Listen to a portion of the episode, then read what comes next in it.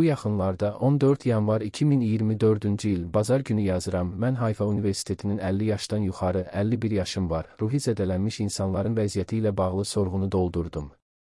Mən sorğunu mümkün qədər çox dilə tərcümə edə bilən hər kəsə təklif edirəm. Sorğu ivrit dilində yazılmışdır və onu hər yerdə yaymağa kömək edin. Platforma, əhalinin bu qrupunun üzləşdiyi unikal çətinliklər haqqında ictimaiyyəti məlumatlandırmaq üçün. Hörmətlə. Assaf Benyamini